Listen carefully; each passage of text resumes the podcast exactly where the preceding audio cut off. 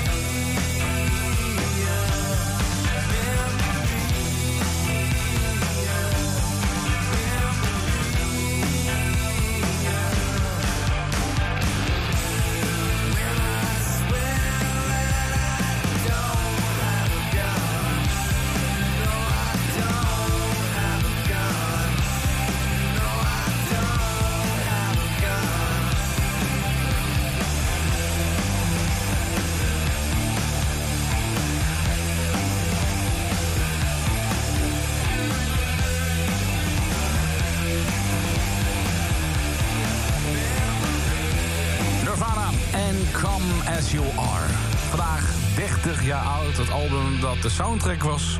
en nog steeds is voor een grote groep mensen van mijn generatie. De dertigers en de veertigers. Opeens kwam daar Nevermind van Nirvana. En natuurlijk, er waren mensen die kenden Nirvana al van het album Bleach... dat hiervoor uitgekomen was. Maar Smells Like Teen Spirits worden echt een groot publiek aan. Of zoals eh, Broccoli FM op Instagram zegt... op onze Instagram-pagina van Kink... Mijn klasgenoot Edgar, die normaal helemaal into R&B en rap was... die kwam op school en die zei... ik heb nou toch iets gaafs gehoord, zo intens. En dat was Smells Like Teen Spirit. Cassettebandje hebben we kapot gedraaid in de pauzes. Herman die zegt ook op eh, dezelfde Instagram-pagina van Kink... Ja, pogo op de stalen dansvloer van café Het Pleintje in Winschoten. En de volgende dag geen idee hebben waarom de spijkerbroek zo ranzig was. Het werd overal gedraaid. In, in, in cafés, in, zelfs in discotheken. Smells Like Teen Spirit was gewoon het pogo-nummer van 1991. Komende uur hoor je muziek van Nevermind. Je hoort ook bijzondere versies van liedjes die je kent. We spreken met fans. En er komt dus in november een speciale box uit. 30 jaar Nevermind, een grote cd, een vinylbox. Met daarin een Blu-ray DVD. DVD van het optreden van Nirvana... in Paradiso Amsterdam 1991. Het concert waar iedereen bij aanwezig was... en tegelijkertijd heel veel mensen bij aanwezig wilden zijn. Dat concert wordt helemaal opnieuw opgepoetst, geremixed... en binnenkort dus gewoon te zien thuis vanuit je luie stoel. Deze week verscheen al een liedje van diezelfde sessie van dat optreden. Amsterdam, 1991. Breed, Nirvana.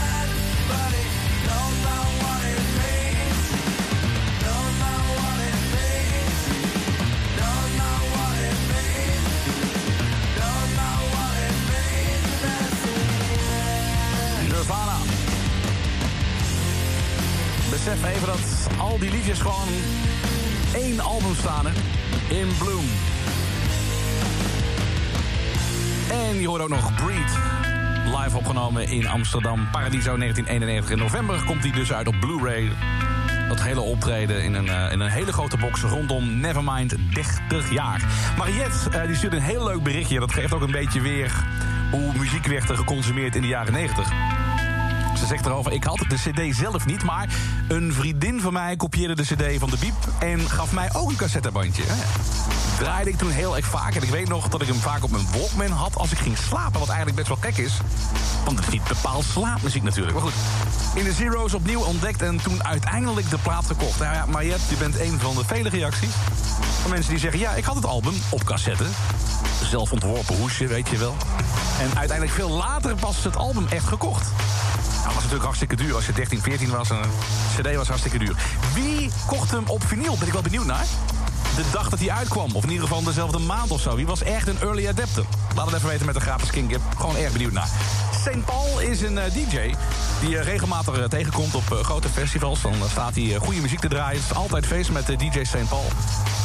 Hij is ook een kind van de jaren 90 en ik vroeg hem hoe hij dat ervaarde destijds. Of hij nog weet wat het met hem deed. Nevermind. Ik zat eh, jou niet geheel onbekend, eh, eh, volgens mij, op school in Maastricht. En ehm, op mijn middelbare school hield iedereen van hele brave muziek. En ja, Nirvana was iets wat uitkwam. En de vijf mensen op school die dat, die dat meteen vet vonden, dat werden ook meteen vrienden van elkaar. Dus het was, het was zoiets, ja, weet je wel, vind je dat tof, dan heb je meteen een soort zielsverwantschap.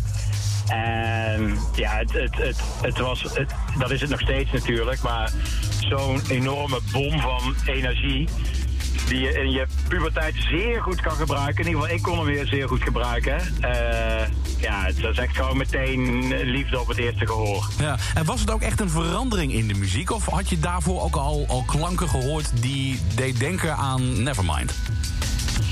Ik denk zo bewust.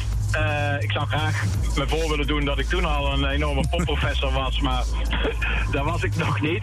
Maar ik denk wel wat het verschil is. Mijn grote broers en zus die namen altijd muziek voor mij, voor mij op. En dus ik had al gewoon heel veel, ook wel eh, ja, oude muziek, de, de Velvet Underground en Talking Heads en eh, dat soort muziek had ik allemaal wel al.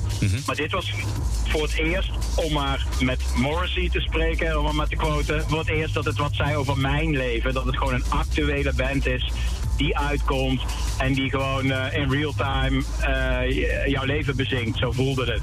Ja. En ja, dat is dan toch wel een groot verschil. Hoe ver ik de aangereikte muziek ook vond, dat geeft het dan toch wel een extra dimensie. Wat ik er nog van kan herinneren is dat ik het gewoon ook echt lekker hard vond. Tegenwoordig is het bijna mainstream te noemen soms. Ja, ja dat, dat klopt wel. Het is ook wat ik. Ik weet nog dat ik toen iemand hoorde zeggen dat Kurt Co- Cobain heel erg geïnspireerd was door de Beatles. En dat ik toen dacht in mijn tienerjaren, echt niet. Man, dit is, dit is duizend keer. Maar als je er nu naar luistert, kun je echt gewoon horen. Je hoort ook de, de, de, de mooie liedjes en de composities. Die kun je gewoon er doorheen horen, zeg Ja, maar. ja. En je hebt gelijk, toen dacht ik ook alleen maar, wow, energie. En ja, maar dat maakt het ook zo bijzonder, vind ik, die combinatie. Dat je het er allebei in kan horen, de energie en de mooie liedjes. De schuimkraag op je radio. Kink Café. I'm so happy cause today found my friends in my head. I'm so ugly, that's okay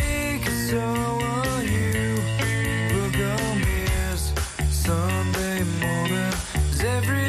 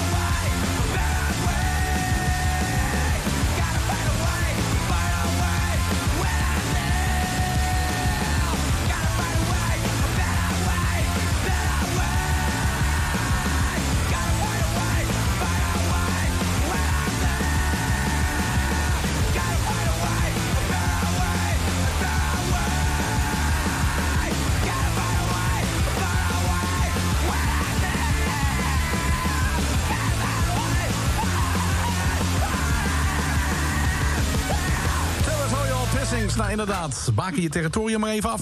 Nirvana.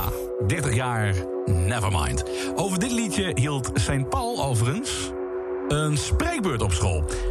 Was niet helemaal de bedoeling trouwens. Het moest over symfonische rock gaan. Aha. Eh, maar ik heb dat als excuus gebruikt. Ik zette letterlijk eerst een heel klein stukje van eh, Something in Your Way op.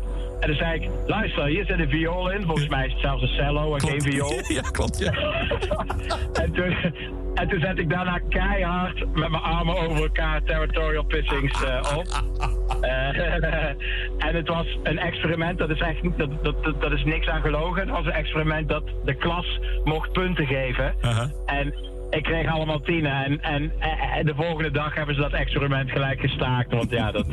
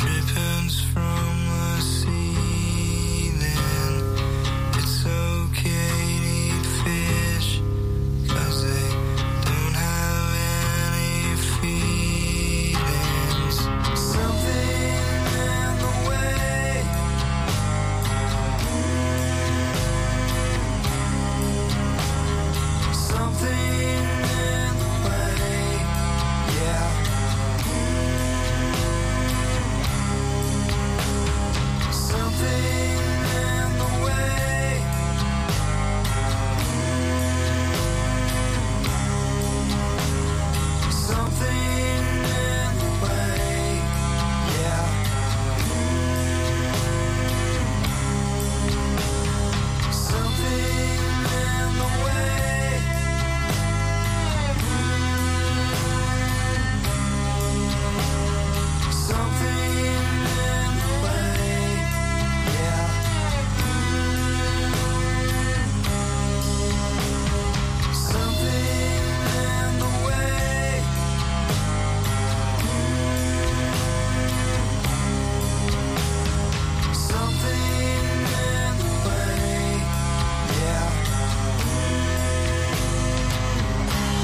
Nevermind. 30 jaar Nirvana, Something in the Way. Zie nog een berichtje binnen van eh, Mark. Ja, Mark, je hebt helemaal gelijk. Wat een onsterfelijk goede productie ook. Alsof die plaat gisteren is uitgekomen. Maar dat is exact wat het is. De productie al van het album is zo ontzettend sterk... als je het vergelijkt met de plaat die hiervoor zat natuurlijk. Hè, Bleach.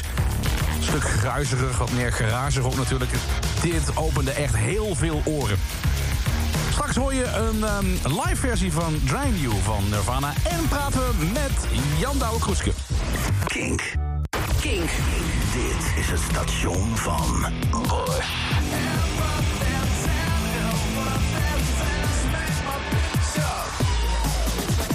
Prodigy. En Tim op het broek. 30 jaar Nevermind met nu een live versie van Drown You at the BBC. Kink. To.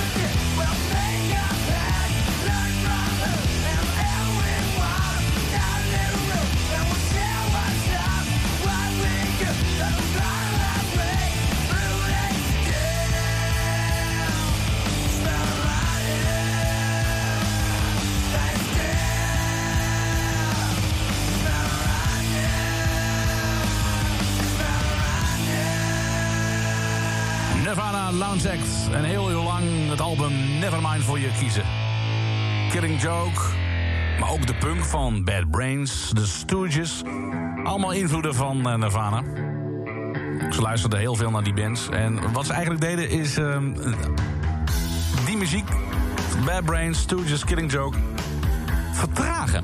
Dat slepend maken. En tegelijkertijd heel erg catchy. Zodat de melodieën echt overeind bleven. Sprak met Jan Douwe Kroeske in de jaren 90. Een hotshot bij Radio 3 destijds. Maakte ook het programma 2 meter sessies. Nirvana kwam bij hem over de vloer. En ik vroeg hem of hij nog kon herinneren wat zijn reactie was... toen hij Nevermind voor het eerst hoorde. Ja, hij kwam mee in stapeltje nieuwe releases. Ehm, het zal eh, ja, redelijk vroeg in 1991 al zijn geweest. Eh, wat ik mij in ieder geval nog kan herinneren... dat er eh, wat, wat, wat sublabeltjes uit de omgeving van Washington... eh, met name Seattle, Washington bedoel ik dan, hè? Ehm, hun plaatjes presenteerden op het SSD-label, kan ik mij herinneren. Eh, Sub Pop had nog niet zo'n grote naam in die tijd, maar het werd wel wat. En daar kwamen met enige regelmaat singeltjes uit. En ik had al wat van de collega's van de VPRO gehoord over eh, Nirvana, die ze al eerder te gast hadden gehad. Maar toen de plaat uitkwam via. ehm, volgens, mij, volgens mij was toen BMG Ariola het platenlabel en hun plugger. Toen heb ik hem als eerste volgens mij op de dinsdag gedraaid bij de vader. En dat was meteen baaf. Ja. En Meteen raak. En ik heb hem geloof ik in mijn eerste programma zelfs twee keer gedraaid. En toen kreeg ik, dacht ik ook, meteen een interessante discussie met eh, mijn Radio 3 collega's. As always, waarom ik deze tering herrie draaide. maar eh, en Frits Spits, die, die was nog wat dat betreft het meest eh, verrassend en ook eh, fijn om mee te discussiëren over deze muziek. Want ik was wel into the grunge, behoorlijk zelfs. Ja. En ik vond het allemaal wel heel erg uh, spekkie naar mijn bek. Stop this song so high, strapped till I bled.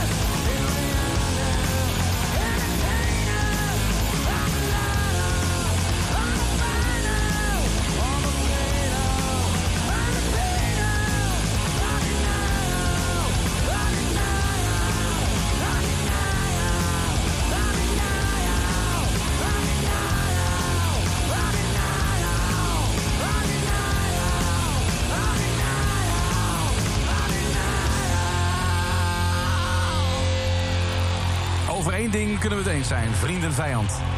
De energie van Nirvana live is ongekend. Of helaas moet ik zeggen, was ongekend. Smells Like Teen Spirit dus in een live versie. Maar ja, dan die plaat. Het album Nevermind. Hoe komt het toch eigenlijk dat het album in zoveel harten werd gesloten?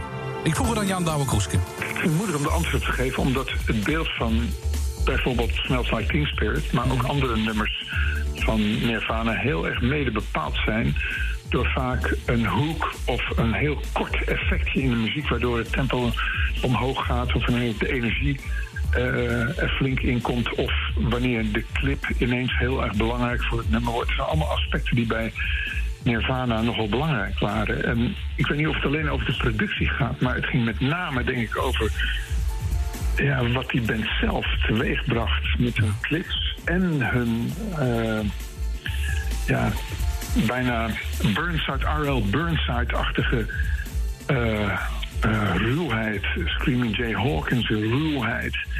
eh, dat soort dingen. Het zat dichter bij de blues dan dat we eigenlijk denken achteraf. I love you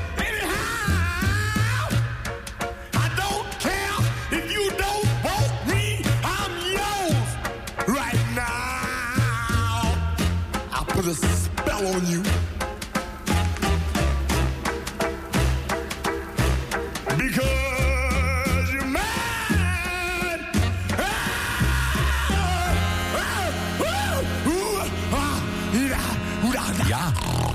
Dat snap ik wel. Ja, die oerkreten, die oorschreeuwen van Screaming Jay Hawkins.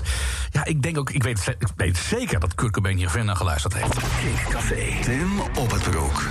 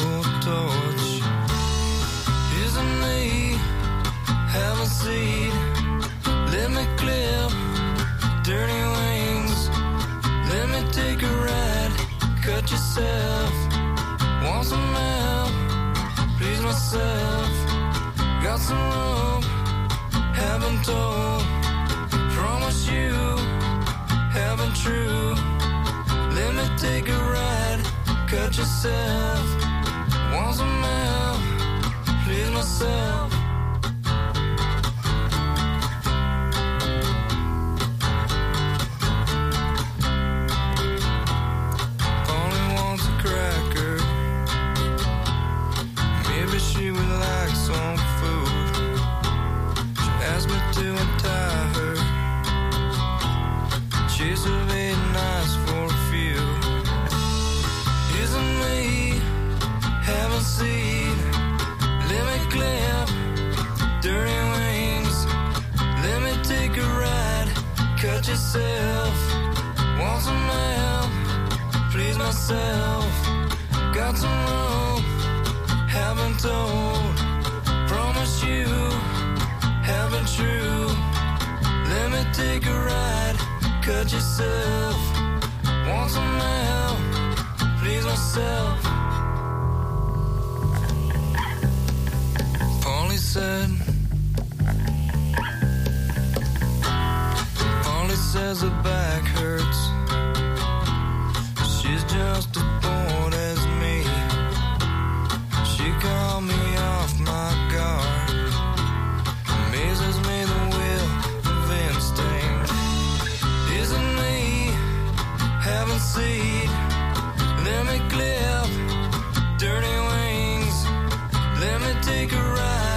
Cut yourself. Want some help? Please myself. Got some rope. Haven't told. Promise you haven't true. Let me take a ride, cut yourself. Want some help, please myself. Polly van Nirvana, 30 jaar Nevermind.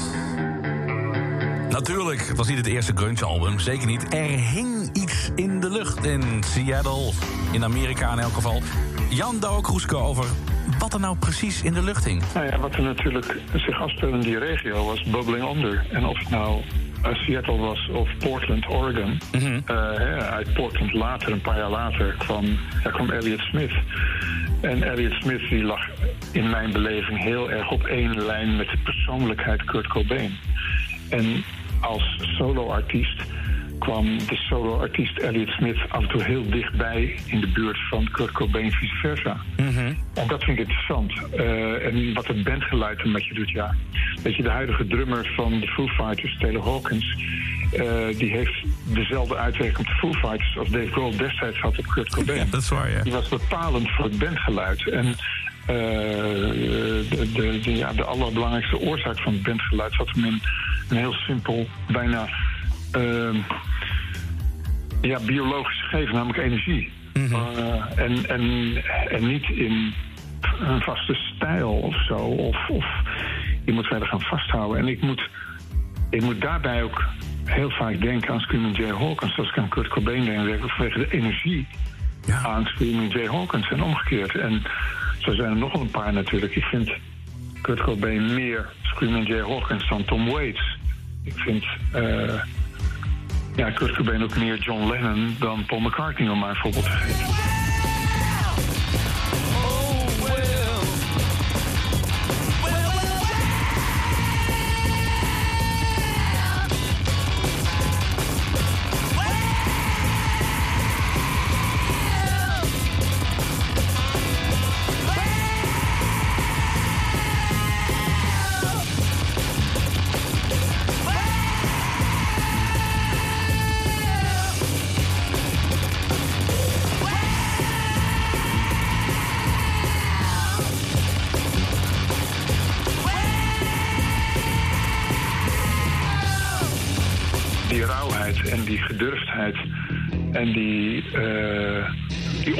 Ontevredenheid, of die nukkigheid of die ongezondheid, of hoe je dat wilt noemen, want dat zit er allemaal in.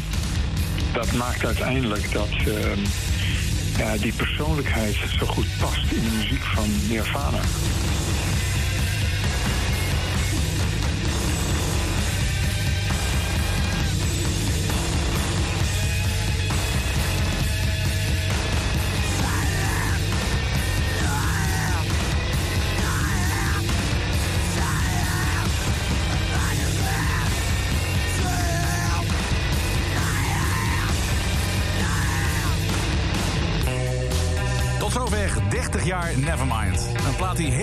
Is geweest voor vele generaties en nu nog steeds.